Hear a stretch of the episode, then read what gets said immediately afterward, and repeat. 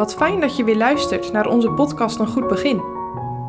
We nemen je mee door het Evangelie van Marcus en we helpen je om van stap tot stap dit Evangelie te begrijpen. Vandaag met dominee Haring. Het Bijbelgedeelte wat we vandaag lezen is uit Marcus 12, de versen 13 tot en met 17. En zij zonden tot hem enigen der Fariseeën en der Herodianen, opdat zij hem in zijn reden vangen zouden. Deze nu kwamen en zeiden tot hem: Meester, wij weten dat gij waarachtig zijt en naar niemand vraagt, want gij ziet de persoon des mensen niet aan, maar gij leert de weg Gods in der waarheid. Is het geoorloofd de keizer schatting te geven of niet? Zullen wij geven of niet geven?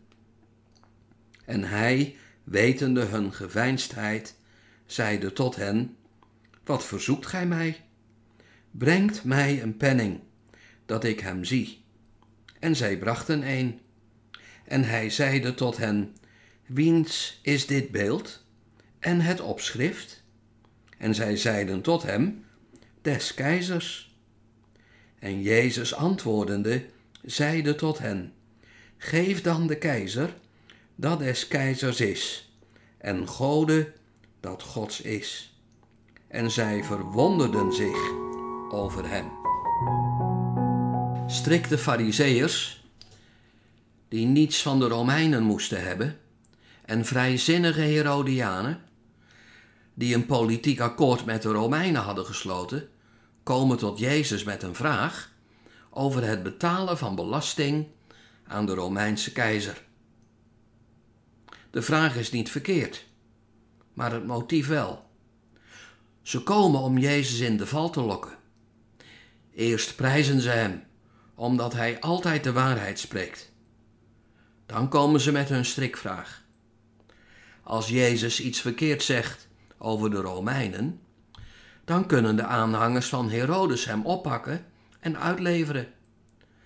Als Jezus iets verkeerd zegt over de Joden, dan kunnen de Fariseërs hem bekritiseren tegenover het volk. Want niemand onder de Joden wil de belasting aan de Romeinen betalen. Ook nu doorziet Jezus hun bedoeling. Hij vraagt om een penning, een muntstuk.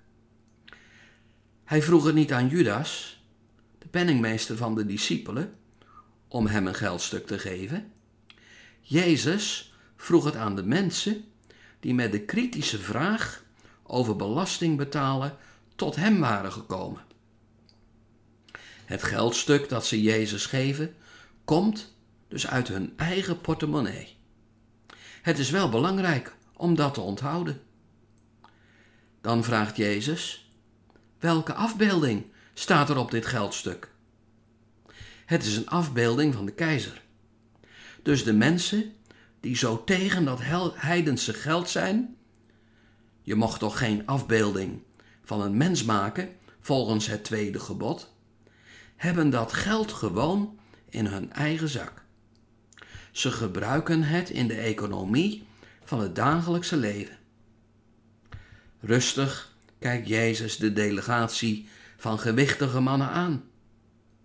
Geef dan de keizer wat des keizers is, en Gode wat Gods is. Zijn afbeelding staat erop. Dat geld hoort bij hem, maar geef aan God wat van God is. Opnieuw zien we de grote wijsheid van de Heer Jezus. Hij keert de doortrapte vraag van zijn vijanden om en maakt er een persoonlijke, ontdekkende toepassing van. De trotse Fariseërs wordt gevraagd hun verplichting tegenover de Romeinen na te komen. En de wereldse Herodianen wordt gezegd dat ze hun verplichting tegenover God moeten nakomen. Maar wat heeft dit ons vandaag te zeggen? Dan kijkt Jezus je in dit woord aan en hij vraagt: welk beeld en opschrift draag jij? In Genesis 1 lees je het antwoord. De dieren worden geschapen naar hun aard, maar de mens wordt geschapen naar Gods beeld. Wij zijn gestempeld door God, beelddrager van onze Schepper. We dragen Gods beeld, dus wij behoren toe aan God, die in ons hele doen en laten in alles voor ons zorgt.